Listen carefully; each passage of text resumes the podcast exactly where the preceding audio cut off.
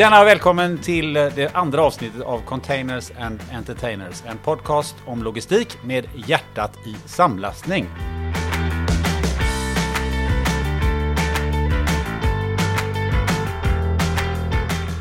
Precis som i förra avsnittet så har vi med oss Linus Alm och Peter Mike från Nordicon. Och jag som ska moderera det här lilla samtalet heter Gunnar Österberg. Ha här mina herrar, eh, tillbaks efter sommaren, eller hur? Hur eh, ni ser starka ut? Ja, känner oss starka. Ja, jag, jag är ju helt utarbetad alltså. Jag har jobbat hela sommaren. Jag får inte något ledigt. Så att eh, nej, det känns tungt alltså. Ja, han gnäller om det varje dag så att... eh, ja. Nej, jag ska faktiskt gå på semester på söndag.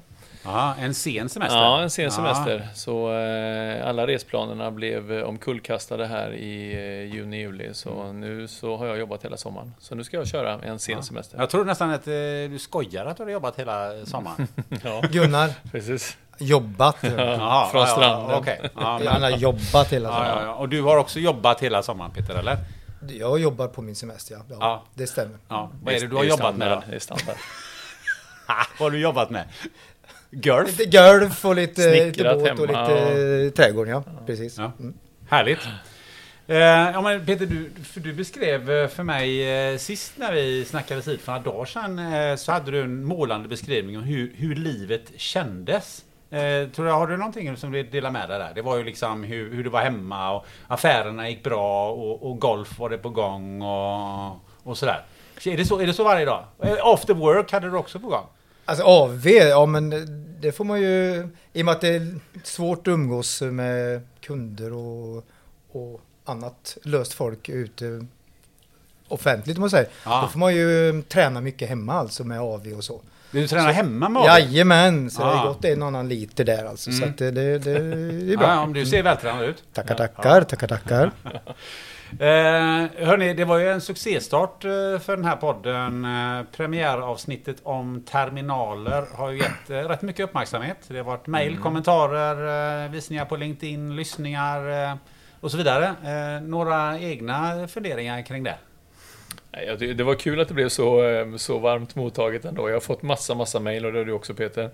Massa kommentarer, telefonsamtal och så vidare. Och jag vet inte, den slutsatsen som vi själva har dragit av det är ju att vi, vi kanske ska vara lite mer entertainers än containers.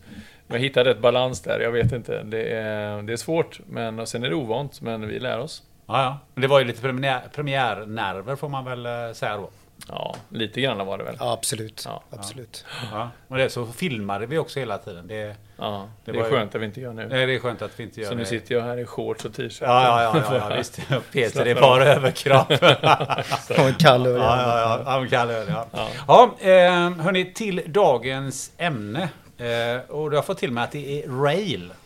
Och då har jag gjort en egen reflektion. Alltså, eh, vad, varför heter det rail? Alltså jag säger ju så att om man nu ska åka till eh, Stockholm måndag, ska ta railen. Mm. Ja, Ja, det låter för... Det låter ju helt enkelt för tuntigt att säga järnväg. ja. Statens Eh, järnvägar. Ja, det blir SJ liksom. Så att, eh, nej, men det, det är väl internationellt vi pratar mycket och då blir det väl att vi säger rail kanske. Så att det är väl ett allmänt uttryck. Mm. Railen from to China. ja.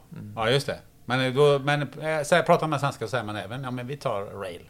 Ja. Kör det via ja, rail. Ja, typ. Järnvägstransport. Det blir lite långt att säga också. Ja, Ja. det låter så domestic med järnvägstransport. Ja, precis. För det låter lite mer här, internationellt. ja, för här ska vi inte snacka någon domestic eh, järnvägstransport eh, Nej. mellan Gävle och Gnesta. Nej. Utan här ska vi snacka eh, rail eh, to and from China. Eller from and Precis. to China kanske det är, vi ska säga. Ni har väl mer from and to kanske. Mm, absolut. Ehm, och det är som sagt var, det, det är en, em, en, eh, inte bara någon, den transsibiriska järnvägen som kanske de flesta eh, känner till, utan det här är ju ett, ett enormt eh, projekt som eh, Kina har initierat. Kan ni börja med att ge, vad, vad är det här för någonting? För man talar om the, the Belt and Road Initiative. Vad, Mm. vad är det för någonting? Du går, eh, får gå tillbaka till 2013 då, när eh, det är faktiskt Kina som har initierat detta. Eh, den här Transsibiriska järnvägen den har ju funnits i över 100 år och det är många som känner till den. Det är klart att det har gått, gått gods på den, den järnvägsförbindelsen där. men inte i någon form av reguljär trafik kan man säga. Och osäkerheten har varit stor, svår och, och prissättningen har varit eh, oregelbunden och liknande. Så ehm, eh, 2013 så tog ju ehm, eh, kinesiska presidenten eh, Xi Jinping eh, ett stort beslut om att lansera detta som till en början hette One Belt One Road. Eh, och nu heter det Belt and Road Initiative. Eh, kallas även för Chinas New Silk Road och så vidare. Och man tror ju att det här, eller många tror att det här bara har med järnvägen att göra. Men, men absolut inte. Det här är ju ett, eh, ett eh, stort eh, projekt som berör alla transportsätt. Järnväg, flyg, biltransporter, sjötransporter. Eh, I ett nätverk egentligen mellan Kina, Europa och även inkluderar Afrika. Så det här är ju ett enormt stort projekt som rullar igång som kräver enorma investeringar och järnvägen är bara en del av det. Kan du säga lite hur han utvecklas den här eh, eh, järnvägsprodukten? Alltså hur, hur, många, hur många containers körde man för eh, 15-20 år sedan? Eh, från, eh, från fram och tillbaka på den här järnvägen? Ja, för eh, jag har ingen statistik som går hur lång tid tillbaka som helst, men jag har hört siffror som att eh, när man drog igång projektet där så, så fraktade man kanske 25-30 000 TEUs eller något sånt där på järnvägen per år. Eh, och 2018 eh, så var den siffran 320-350 000 TEUs någonstans där. Eh, och många förutser ju att det här ska växa så enormt mycket så att om en 4-5 år så ska man passera en miljon TEUs. Och då helt plötsligt så börjar det bli ett ganska så, så stort transportsätt kan man säga. Vi var inne på det här med Transsibiriska, men, men man kör genom andra stater nu för tiden? Ja, primärt så är det ju Kazakstan som, och via Ryssland in till Europa. Man, man byter antingen direkt Helsinki eller direkt in i Polen eller Tyskland typ. Vet ni, eller kan ni beskriva ungefär var, var börjar man någonstans och var, vilka möjligheter, var har man någonstans, har man möjlighet att lasta och, och, och hur funkar det? Ja, när det här projektet startade upp så började man bygga upp eh, ett, ett stort antal eh, rail hubs som, som kallas då. Är det 12 stycken? Eller Nej, det finns nog många, många fler idag. Fler men det, det, det, kanske är 10-15-tal som, som betraktas som de allra, allra största.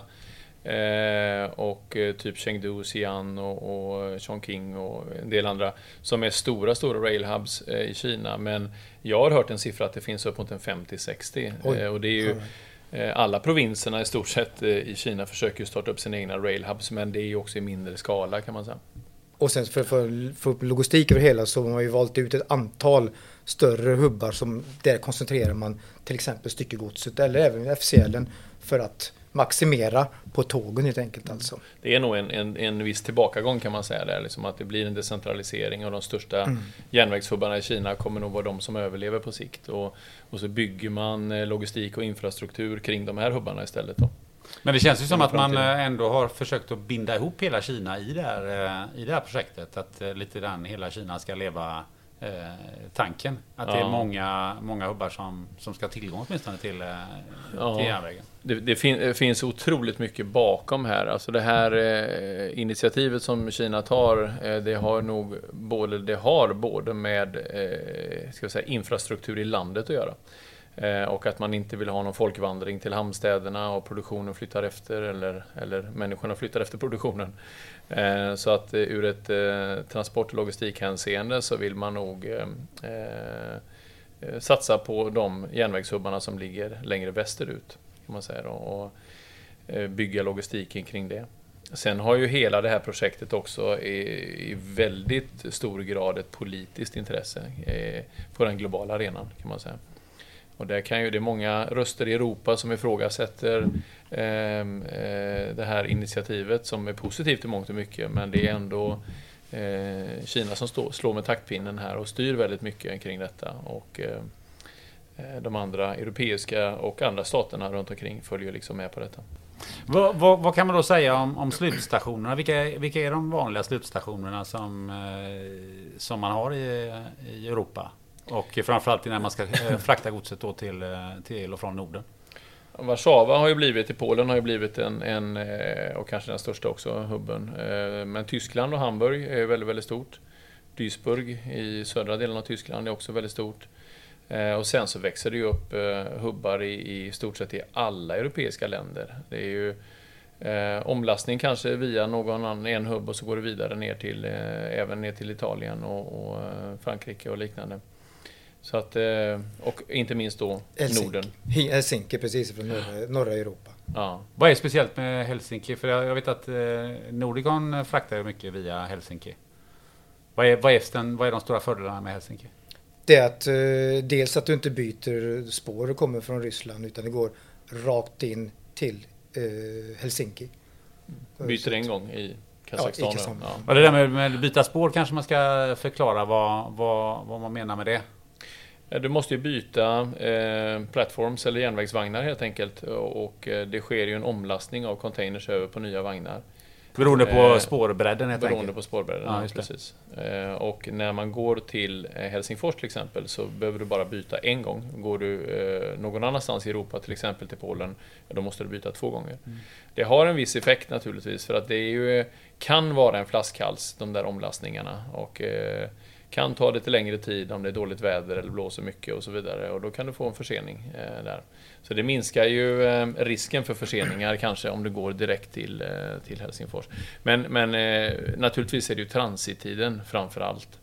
Eh, ska du till Norden, den nordiska marknaden, och kan nå Helsingfors ifrån Hefei i Kina, som ligger eh, nordväst om Shanghai, eh, så kan du göra det på eh, 12 till 14 dagar. Så går det allting helt smärtfritt så går det på 12 dagar. Eh, Då kan du alltså med omlastning, en snabb omlastning i Helsingfors, som egentligen går eh, över natten, eh, Precis. så kan du alltså leverera gods i eh, Sverige, eller säg Stockholmsregionen, eh, en till två dagar efter. Och då har du ju eh, en dörrleverans i, i Sverige och eh, kanske i Stockholmsregionen då som är, som är 14-16 dagar. Eh, och det är ju eh, väldigt bra skulle jag säga. Men två andra orter som, orter som, som ni har, det är Warszawa och eh, Hamburg. Mm. Vad, vad, varför, ehm, varför kan man köra gods till Warszawa eller eh, Hamburg? Varför kör man inte allting till Helsinki? Eh, nej, för våran del menar du? Ja. Eller för Nordicons del eller för den nordiska marknaden? Eh, så är ju de allra, allra flesta kör ju faktiskt eh, via Warszawa. Hämtar med bil och kör det upp till, till Sverige, till Göteborg till exempel. Eh, och vi eh, har ju även haft det, eller vi har det som ett alternativ. Då kan man gå från lite flera eh, origins eller hubbar i Kina in till Warszawa. Eh, Helsingfors, den trafiken är ju enbart ifrån Hefei. Så då får man ansluta till Hefei i Kina för att kunna komma på den direktlinan där. Eh, sen har ju eh, Nordicon även byggt upp en direkttrafik, en samlasttrafik. Eh, där vi kör flera containers varje avgång eh, ifrån eh, Hefei via Tyskland, via Hamburg. Och sen så går det med eh, Stena Mainabbe rätt upp till Göteborg. Mm. Och då lossar vi den containern och öppnar den för första gången på våran terminal. Så det är en direktsamlastning då. Och det är också många kunder som föredrar eh, det alternativet om Fors. Hur långt är ett sånt tåg? Hur många containers har man på ett tåg? 50-40 fotare eh, brukar man säga som max. Eh, det kan ju finnas eh, några eh, tågsätt som klarar mer eller mindre, men i princip det. Och, och sen har man ju en sån här nedre gräns, 40-40 fots containers. Eh, och det är ju för att egentligen klara de här subventionerna som, eh, som järnvägsbolagen får ifrån, eh, ifrån den kinesiska staten. Ja, för det är rätt rejäla subventioner de eh, kineserna äh, ger till äh, Ja, jag tror järnvägsbolagen. upp till 50 procent som Ja. de står för det alltså. Så att, eh, Ja. det är en det är en betydande del av kostnaden självklart att hälften av kostnaden det betalas alltså av kinesiska staten. Mm. Ja. Ja, det är, subventionerna är ju ett hett diskuterat ämne. Och det är ju, eh, de kanske var till och med ännu högre innan, de har säkert dragit ner dem något. Men jag tror att de fortfarande ligger på ungefär 50%. Och jag vet att de har, de har ambitionen om att reducera dem successivt och kanske under ett antal års tid, kanske till och med ner till, till noll, så att eh, järnvägstrafiken ska stå på egna ben så att säga. Men ännu så länge så, så pumpar alltså den kinesiska staten in pengar i subventioner. Och det kan man ju säga är lite till gagn för, för eh, den europeiska marknaden och europeiska företag. Mm. Såklart, så länge det varar. Men eh, man skickar ju gods eh, åt andra hållet också, från Norden till eh, Kina. Eh, är, är det samma hubbar eller vad, hur, hur jobbar man då? Ja, det, det, så är det ju. Absolut. Ehm, för det stora, i stora hela så Helsinki går fort, fort, funkar lika bra på andra sidan, eller åt andra hållet. Och även eh, Hamburg och Duisburg och, och Warszawa. Så att, ja. Det man kan säga om exporten eh, till Kina. För det första ska man ju ha klart för sig att det är en väldigt stor obalans. Och det i sig är ett ganska stort problem. Det kommer mycket mera gods ifrån Kina till Europa än vad det går eh, härifrån till Kina. Och det skapar ett problem med att få tillbaka både containers och, och vagnar, plattforms till, till Kina. Så det är ett, ett problem eh, i sig. Men när det gäller eh, hur man fraktar godset till Kina så är det oftast lite mera skräddarsytt efter eh, kundernas krav, alltså beroende på vart, var i Kina ska du, var är slutdestinationen. Så att du inte går in till en hubb och sen ska godset vidare till en annan hubb. Och då ska det tullas in kanske i den första provinsen och liknande. Så att eh, det är en del sådana tulltekniska frågor som styr detta och man försöker väl optimera det så mycket som möjligt att gå så nära den slutdestinationen i Kina som du ska, oavsett om det är styckegods egentligen eller fulla containers. Primärt för fulla containers naturligtvis, då är ju valmöjligheten mycket större också, vart du går. Nu har vi ju snackat eh, eh Helsingfors eh, väldigt mycket, men jag vet att eh, eh Nordicon har ju eh, startat upp en, en, en, annan trafik till, en helt, till ett helt annat ställe där man fraktar med, med, med järnväg från, från norr om polcirkeln. nästan. nästan i alla fall. Ja, nästan. Ja, men det är ja. väl norr om Pol. Det är, ja, det är Narvik. Det är det kanske. Ja. Narvik, ja. Det är det nog. Ja. Ja, vad, vad, gör man, vad gör man i Narvik då? Det, är ju liksom ja, det undrar vi också. transporterar, man transporterar malm till Narvik har jag hört eh, talas om, med malmbanan. Men vad skickar man från, från Narvik eh, till Fisk. Kina har jag förstått? Fisk. Fisk? Vadå för fisk? Ja, det är Nej, det, men det är ju en otroligt stor marknad. Norra delarna av Norge, eh, runt eh, Narvik och eh, Ålesund och, och, de norra delarna i, av Norge eh, är ju extremt stora på fiskexport. Och framförallt då till Kina och eh, Japan och Korea och så vidare. Eh, och eh, järnvägen eh, tror ju vi är en stor möjlighet att knyta an den och köra reefer-containers eh, ifrån Narvik så nu har vi tillsammans med vår eh, finska samarbetspartner startat upp en trafik eh, och den är väl i sin linda ännu. Vi ska gå ut med detta Ja, när detta sänds så är det förmodligen gått ut mm. i större skala. Men den trafiken så, så, så är tanken att vi ska köra direkttåg från Narvik via Helsingfors och direkt in till Kina då. Med både vanliga dry containers och reefer containers. Då. Så i, i, dagsläget så går ju väldigt mycket av den här fisken eh, i reefer-containers på sjö. Tusen, tusentals i, i veckan faktiskt under, under eh, säsong. Eh, och eh, sen finns det en ny teknologi, Blue Wrap, att man kan paketera fisk på ett annat sätt för hållbarhetens skull utan att behöva ha fryscontainers, kylcontainers. Det kallas för surströmming. Ja, det, det, det, det kan det bli. Om det går fel så blir det nog det. Då har de en riktigt bra surströmmingsparty i Kina. Men... Eh, eh sushi. Den... sushi. Det blir sushi ju. Sushi. sushi. Ja. ja.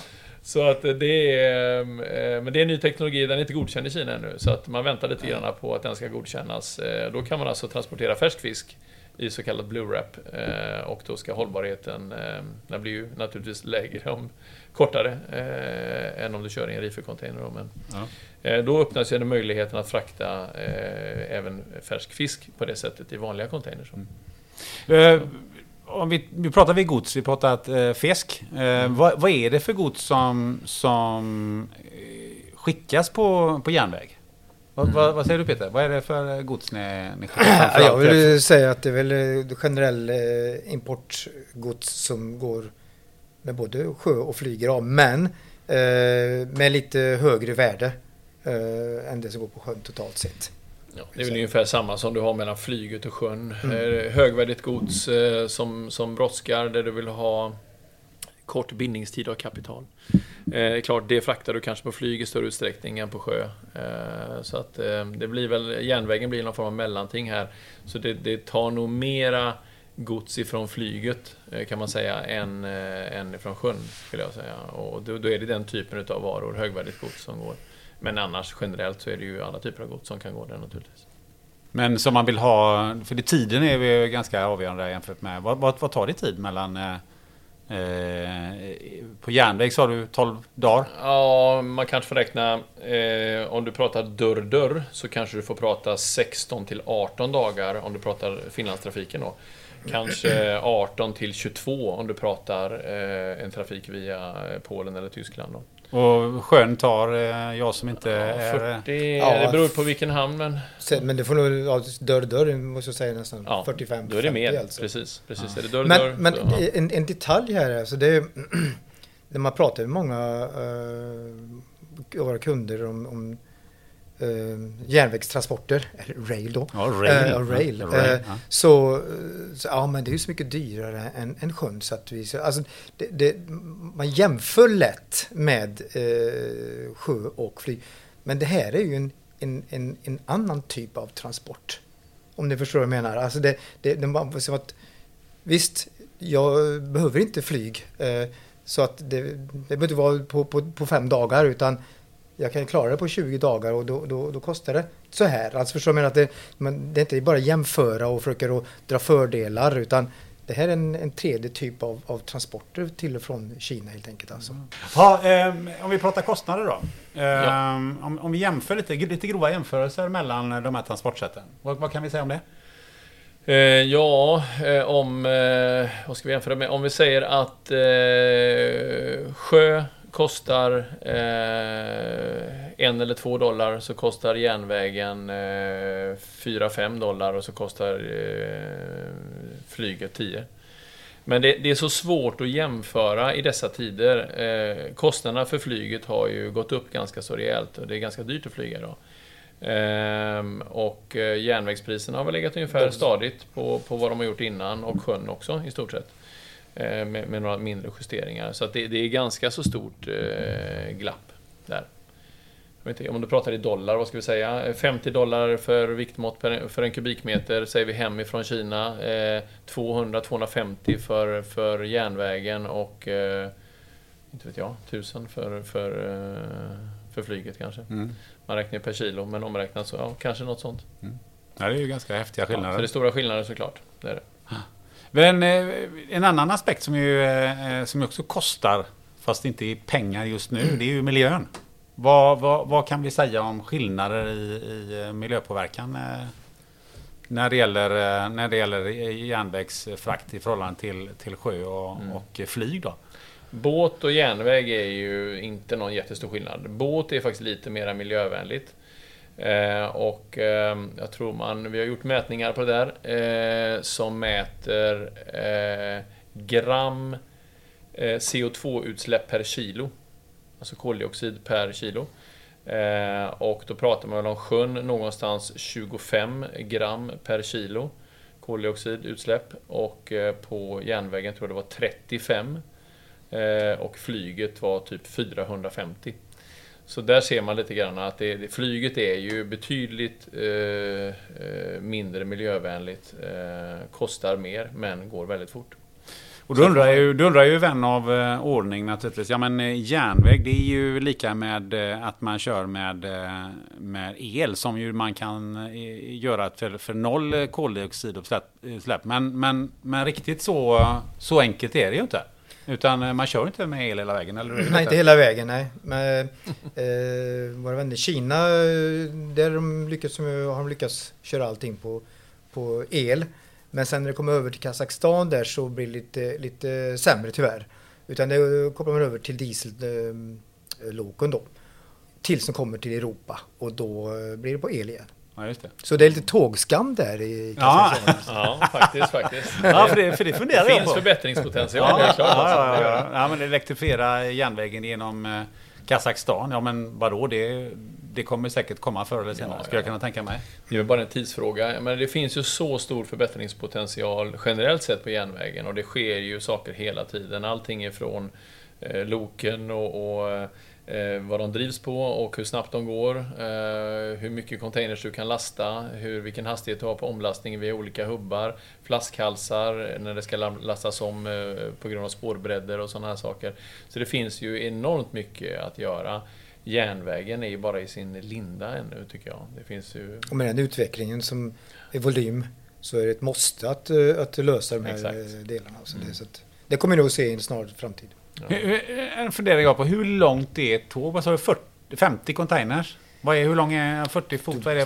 Vad, är det? Eh, Vad blir det? Hur- 40 fot? Hur Ja, långt är den är det? 12 meter. eh, 12 så är det meter är lite till då. 15 med- meter. Ja, säg 15 meter gånger 50 säger vi då. Ja. Det är Snabb huvudräkning. En, en kilometer nästan. Eh, ja. Det är, sen vet jag inte, än idag kan du inte dubbelställa containers, men det kommer väl i framtiden. Eh, kanske. Ja. Att du kan stacka det två hög. Men, eh, Och det är väl mycket på grund av vinden vad jag förstår det. ja. Alltså inte utav, jag tänker tunnlarna. Att de Alltså, så det, det, det, faktiskt. när, när vi började för ett antal år sedan och, och för, förseningar så fick man till, till, till svar att eh, det blåser så mycket och då tänkte jag det var den sämsta lögn jag har hört liksom. Vad fasen ska jag säga att det blåser för mycket? Alltså, ja. men, men det faktum att det är så. Det, det, de ger sig inte ut när det blåser för mycket för tågen är för stort ehm, vindfång. Ja. Så, att, så att det, det, det är alltså farligt att ut och åka med tågen. eh. Sen är, sen är det också i de här omlastningshubbarna. Jag, jag hade ju förmånen att vara i Hefei när vi hade våran jungfruresa därifrån. Ehm, eh, första tåget som gick till Helsingfors. Eh, och då stod vi och bevittnade hur de lastade. Då kommer det in eh, typ ett eh, tågsätt som är, som du säger, ungefär en kilometer långt. Eh, och sen ska de då lasta de här eh, containrarna från eh, ja, stacken kan man säga direkt upp på, på vagnen. Då. Och då är det typ vajrar som är 20 meter långa ungefär som ska liksom hämta en container och så pendla den i vinden och så ska man lyckas ställa ner den. Så vi tänkte herregud vad oeffektivt alltså. Så att, det, det finns mycket att göra även på de här järnvägsstationerna som lastar och lossar containers alltså. Och, och se hur det fungerar i hamnarna idag, hur fort det går. Mm. Det Så- finns förbättringspotential. Men Ja. jag, det, jag tänker på det, det, det var en rätt, det finns en god bild på dig när du står där på, på Ja, jag ser ut som en jävla mupp alltså. Ja, ja, jag ska be Ja, Therese lägga ut den bilden så alla får se. Ja. Ja, Ja, lite ehm, någonting som är intressant är hur, hur utvecklingen har sett ut i närtid. Mm. Ehm, eh, men jag tänker på, på, du nämnde Linus där, Corona och, och, och flyg och sådär. Hur, vad kan man säga om det? Eh, innan vi, jag tänkte du kan ta en, eh, lite kort bara innan vi faktiskt ska kalla in en, en expert på det här, eh, Jessica Molnar. Mm, eh, som sitter med detta som sitter med det. Ja, precis. Men hur, hur har, sätta overhead, hur har, eh, vad är det som har hänt den senaste halvåret säger vi? Ja, om, om vi tittar på våran utveckling eh, i Nordicon till exempel eh, så eh, har ju kan man säga coronan inneburit att järnvägen har fått sig en rejäl skjuts uppåt. Eh, och vi, om vi tittar lite grann på vad vi hanterar i volymer per månad så har det nästan 4-5 dubblats eh, om du jämför med samma period förra år. Ja. Eh, Så att det har varit en extrem ökning på volym på järnvägen. Eh, Och eh, det är positivt naturligtvis. Eh, Sen när man pratar om coronaeffekt då så kan man ju också läsa sig till ganska mycket hur det här har påverkat hela hur man ska säga, utvecklingen utav det, det här eh, One Belt One Road eh, konceptet och, och in, initiativet. Och det har ju satt tillbaka hela det, eh, utbyggnaden utav detta enormt mycket. Det är väldigt många, både bolag och länder som är berörda i olika investeringsprojekt tillsammans med Kina som helt enkelt inte har råd att fortsätta med den här utvecklingen. Det är stora, stora investeringar det är snack om. Så då har de satts tillbaka och utvecklingen har lite grann stagnerat i det avseendet. Då. Så det är väl både lite positivt och negativt, men, men för järnvägens volymutveckling i alla fall kan man säga att det har haft en positiv effekt. Nu har vi fått med oss Jessica Molnar eh, som ju är Nordicons nyckelperson eh, när det gäller eh, järnvägstransporter. Och du har jobbat hela sommaren med, med det här. Våran Rail Superstar. Rail Superstar. Svart bälte i rail. Ja, det- just det. Precis. Svart bälte i rail. Det tycker jag låter jättebra. Eh, Kan, kan du ge oss lite eh, tankar och berättelser om hur, hur har din sommar sett ut? Eh, ja, det har ju varit mycket att göra. Som sagt, vi har ju sett ett jätteuppsving på Mm. tåget eh, efter ja, covid-19. Så blev det ju som vi trodde skulle gå ner Mm. och inte hända någonting egentligen. Men det blev tvärtom. Det, det är ganska komiskt egentligen, för vi, jag tror vi satt i, i februari, typ så här, när, Mm. mars kanske, när, när, när Corona liksom drog igång och det blev då visste man inte vad man skulle förvänta sig riktigt. Så vi, eh, vi var ju nästan förberedda på att, eh, att järnvägen skulle gå ner. Mm. Och sen så var det som en eh, slag i ansiktet och så blev det bara eh, månad för månad nästan dubbling av volymerna. Mm. Har du fått jobba över mycket? Ja, en del. En del. har du mycket frågor eller har du, vad, vad är det du får för, eh, för kommentarer och frågor? Och kan fatta vad de frågar efter eh, de som ska boka och sådär. Lite sådana grejer som jag tänker på. Ja, med tanke på att det växte så pass mycket så är det ju, vi fick ju mycket det som skulle gått med flyg egentligen. Så det har ju varit många som liksom kastat in bokningar för att de måste få iväg det. Och inte kunnat vänta på en sjö, eller båt rättare sagt. Liksom. Eh, Är det på grund av det- corona som... eh, ja, precis. Det var ju mycket flygplatser som stängde ner, Mm. som inte tog emot och kunde flyga iväg. Eh, Så då blev det ju att de tog tåg istället. Mm. Och det är ju både, både styckegods, styckegodset har Mm. ökat mest kanske, men även fulla containers har ju Mm. också ökat hela tiden. Så Mm. att det är ju, har varit generellt sett en stor efterfrågan. Nu. Och vad jag har förstått så fraktar man ju rätt mycket gods med eh, vanliga passagerarflygplan. Ja, det hänt. Det tänker man inte på. Nej. Nej, nej. Nej, jag tror nog att det är, det är mer än hälften. Jag, jag har ingen procentuell siffra på det, Nej. men säkert en 50, 60, 70 procent tror jag går på reguljära flyg liksom och eh, resterande fraktas med, med freighters, liksom, med rena fraktflyg. Då. Eh, och vi vet ju vad som har hänt med passagerarflyget. Så att, eh, Ja, precis. precis. Vad, vad, är det några sådana här speciella frågor du har fått eller problem som, som du har löst? Eh, ja, det har väl varit lite ansiktsmasker har vi haft bland annat. ja, just det. Ansiktsmasker, Som ja. var, ja. just det. väldigt... Det var, det var rätt brådigt med dem va? Ja, Eh, men men eh, är det, vad, är det, vad är det vanligaste godset som du har hanterat? mm, det är väl mycket kläder är det en del. Nu börjar ju julpynt komma. Har Ah, varit mycket, men det är väldigt mycket blandade varor. Man tittar ju inte heller alltid på packlistorna exakt vad det är för produkt. nej. När man Nej. generellt kanske man inte gör. Nej, jag, vet inte, jag, jag nämnde ju förut att det var väldigt mycket högvärdigt gods. Ja. Eh, men, och det kanske det är. Eh, Alltså eh, typ maskingods eller tekniskt gods och liknande som är högvärdigt. Men, men det är klart att det är mycket andra konsumtionsvaror också. Så att, eh, det är klart det är mycket textilier och den typen. Pynt, är ju- det kan ju vara jäkligt mycket värt för någon, eller Ja, hur? men eller hur? Lite ljusslingor. Ja, ja, vad vore julen? Vad blir jul utan pynt? Ja, exakt. Ja, det är ju helt kört, eller hur? Ja, Jag vet ju att man, eh, man... eh, Jag har sett på mässor och så, man går på mässan så liksom, på sommaren det är då man säljer... Det är då man säljer in pynt. Mm. Ja, helt otroligt. Ja, fantastiskt. Ja, men det ser ju vi när, när, när jul, julgrejerna börjar komma in. Mm. Då, är det ju, eh, då tänker inte vi på julen i alla fall. Nej, precis. Lite långt fram. Ja, härligt. Eh, Men vad bra, då har vi fått en liten idé på hur, eh, hur sommaren har sett ut. Vad, vad tror du? Tror du att det kommer att bli lika mycket gods nu i, i höst? Du vill jobba lika hårt? Ja, nej, men det hoppas vi ju. Ja. Det är såklart. Ja. Nu har ju folk fått upp ögonen för det så att de kanske tänker över om hur, alltså, hur brådis är det egentligen med grejerna. Måste vi verkligen flyga? Kan vi vänta och samla upp lite gods och köra en FCL själv istället? Mm. Exempelvis. Ja. Och nu vet För det- att det funkar också. Exakt. Mm. Så att, Ja, och så så har de några har lite flygskam också så att de går inte tillbaka Exakt. till, eh, till flyget. Nej. Nej? Miljötänk. Exakt. Ja. Nej, men det är ju det vi har sett. Att folk, som sagt, som Linus säger, att de har ju sett att det funkar. Ja. Och ofta ser det kanske inte så bråttom som man säger från början.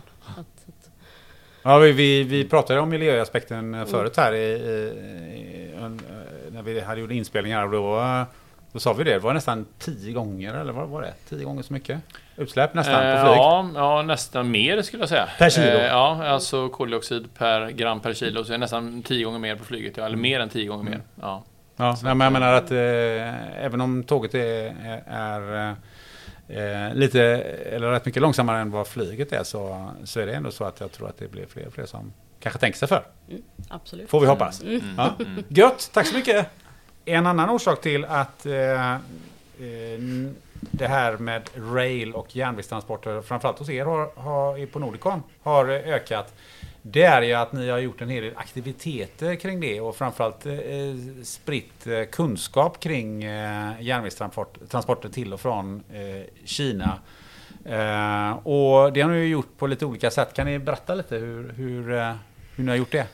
Ja, vi har ju de senaste eh, tre åren vill jag säga så har vi jobbat eh, väldigt nära kunder och med kundbesök eh, och, och sålt in våra trafiker. Vi har eh, haft mycket marknadsföring i nyhetsbrev och kampanjer, tävlingar och, och liknande.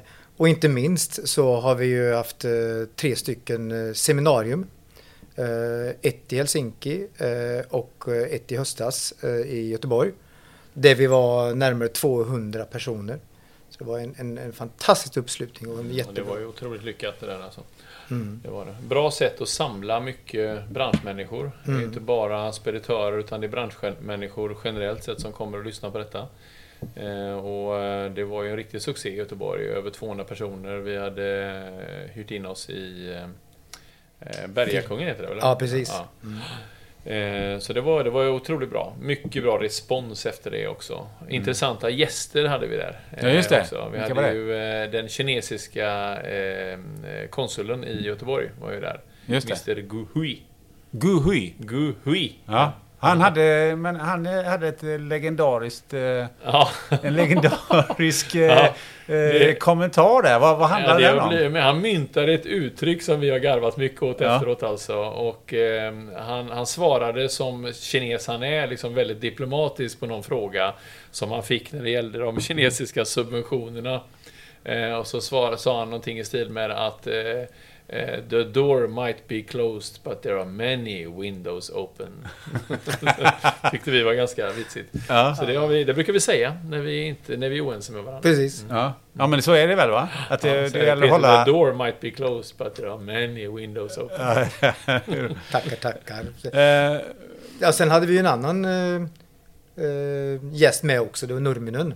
Ja. Får inte glömma. Nej, nej, nej. En, eh, våran, eh, vad ska man säga, partner slash eh, eh, leverantör är det också. Ja, man kan nästan säga samarbetspartner. Vi, vi har ju varit med... Eh, Nurminen är ju egentligen en, ska man säga, primärt kanske en, en terminaloperatör. Eh, logistikföretag i, i Finland. Eh, och de eh, drog igång den här trafiken ifrån Hefei till Helsinki. Eh, och de är ju den första och vad jag vet den Mm. enda europeiska eh, eh, järnvägsoperatören. De Precis. kontrollerar alltså tåget. och betalar det. Ja, Inte minst. Nej, och tar risken för det och Mm. allting. Så de står för hela tåget. Eh, och eh, där har vi varit med som en partner med dem eh, redan från dag ett. När det här eh, rullade för första gången 2018. Det- eh, ja, eh, jätteintressant. Det här railseminariet eh, kan man ju faktiskt eh, gå in och kolla på. Det Ja. finns på Youtube, det finns Ja. på Nordicons hemsida. Ja då. Gör gärna det om ni vill veta Nordicon. ytterligare om, om eh, eh, rail och transport framförallt Ja. till och från Kan vi, Kina. inte, kan vi inte lyssna på det där klippet Gunnar? eh, Från eh, han, Mr Gui. Ja, jag, jag, jag tror att du har det någonstans Linus. Ja, men jag har ju det här. Jag ska se om jag kan Ja, rota fram ja, det visst. väldigt, väldigt snabbt. Det Ja. här är ju helt oförberett alltså. Ja, ja, det det- förstår jag. Att du... nu, ska vi... nu ska vi se här eh, hur, hur oför... Vänta, Vänta, ska vi se vad han, Ja. vad han säger där nu. Det Ja. här är på någon fråga om de här subventionerna här. Ja. the subsidies will go down, but there are many. Maybe the, the door is closed, but there are many windows are still there to be open. Good, good explanation. Ah, Ja, den fick han applåder för alltså. Ja, så den, är, den är lite rolig. ja, det är verkligen att de myntat ett, ett, ett uttryck som ju kanske kommer att bli ett uttryck för hela, eh, hela järnvägstransport eh, branschen kan man väl säga. Eller, Ja, hela eller, transportbranschen. Hela transportbranschen, ja just det. Worldwide. Ja, Worldwide, ja. ja jag, ska precis. säga, jag ska säga det till Mr Gui om Ja. tio år, att det är du som... Minns du att du myntade det här uttrycket? Ja, ja men jättebra.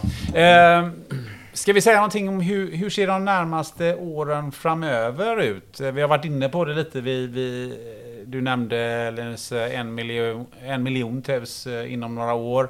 Ehm, men vad, vad tror ni om eh, järnvägs, eh, om utvecklingen när det gäller järnvägstransporter eh, till och från Kina? Som Jessica sa förut så att, tror jag att många har fått upp ögonen för det här transportsättet nu. Och, och som sagt, ol, av olika skäl. Eh, snabbare än, än sjön, eh, billigare och mer miljövänligt än flyget. Eh, och att så att det, det är en, en helt, helt, inte helt ny, men det är en, en, en annan typ av transporter än de andra sedvanliga då. Så det tror jag absolut det kommer fortsätta och kommer fortsätta öka också. Absolut, jag tror bara vi har sett början Mm. på detta. Och eh, man får ju ändå se det, vi pratar mycket utifrån ett nordiskt och svenskt perspektiv, men om man, eh, man lyfter blicken lite grann och ser det över hela Europa så, så eh, det här är ju ingenting som vare sig kineserna eller europeiska företag har investerat så enormt mycket pengar i för att inte fortsätta att, att, eh, att utvecklas. Så att eh, helt solklart kommer det här att växa och jag tror också att man kommer att kunna eh, nå de här målen med att passera en miljon TIUs också. Och det, det, det är ganska seriöst.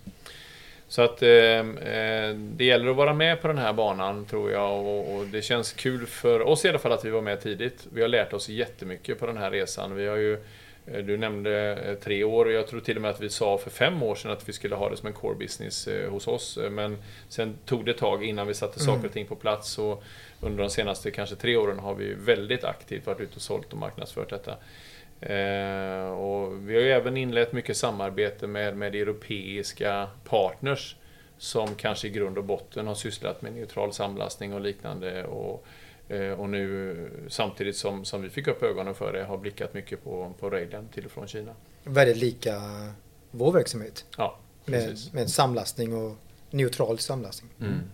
En, en härlig utblick. Eh, jag tänkte att vi ska eh, avrunda med det. Men innan vi avrundar, är det, är det någonting som, som ni tycker har förblivit osagt? Någonting som borde daskas upp på bordet? någonting vi har missat? Eller om ni har liksom sitter och ruvar på någon riktigt dålig eh, historia så kan ni ju dra den då. Eh, eller något annat sådär. Eh, eh, som, som ni vill tillägga innan vi stänger eh, här, dörren i containern för denna gången? Vi, vi, kan ju nämna i alla fall det här med Railgate som vi inte sa någonting om eh, faktiskt. Eh, det, det, var, det kanske inte är så kul i och för sig. Vi vill inte garva ihjäl oss åt det. Men, men Railgate eh, Europe är faktiskt... Det kan vara rätt kul. Ja, alltså, det, det, finns ju Watergate och, ja, jo, sånt, jo, sånt där. Du kan spinna hur mycket du vill på det Gunnar. Men, men ja. Railgate är ju ett, ett bolag som vi är delägare i också som är, heter Railgate Europe. Och där är vi ju eh, idag tre stycken partners i detta bolaget och eh, eh, målsättningen med detta är ju att bygga upp ett europeiskt nätverk för järnväg, järnvägstransporter. Och vi är ju idag, vi startade detta 2017 och sen har, det, har vi så sakteliga byggt ut detta. Eh, och vi är ju idag etablerade i 16 länder i Europa eh, med eh, egna kontor vi har bara ett Railgate-kontor dock i Polen och sen är det egna kontor i form utav delägarnas nuvarande etableringar så att säga och några agenter också. Så att vi täcker upp en stor del av Europa redan idag och målsättningen är ju faktiskt att lansera en, en plattform som eh, täcker hela Europa där du kan eh, gå in och räkna på fraktpriser och boka ifrån dörr i Kina till dörr i Europa. Eh, och det, här sträcker sig till eh, framförallt, eller vänder sig till framförallt speditionsföretag som har etableringar över hela Europa. Eller hanterar last över hela. Europa och mellan, mellan Europa och Kina. Superintressant, verkligen. Och en liten detalj till ja. som vi inte pratade om. Ja. IT. IT. Utvecklingar, eh, ja. verktyg och så. Det, mm.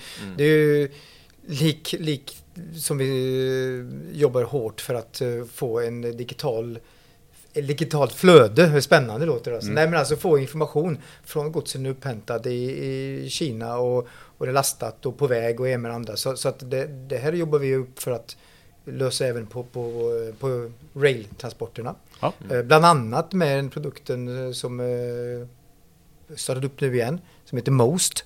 Mm. Så vi kan lägga in Most-enheter i inte bara i varje eh, container utan även i godset så vi ser exakt vart det är, temperatur och stötar etc. etc. Så en mm.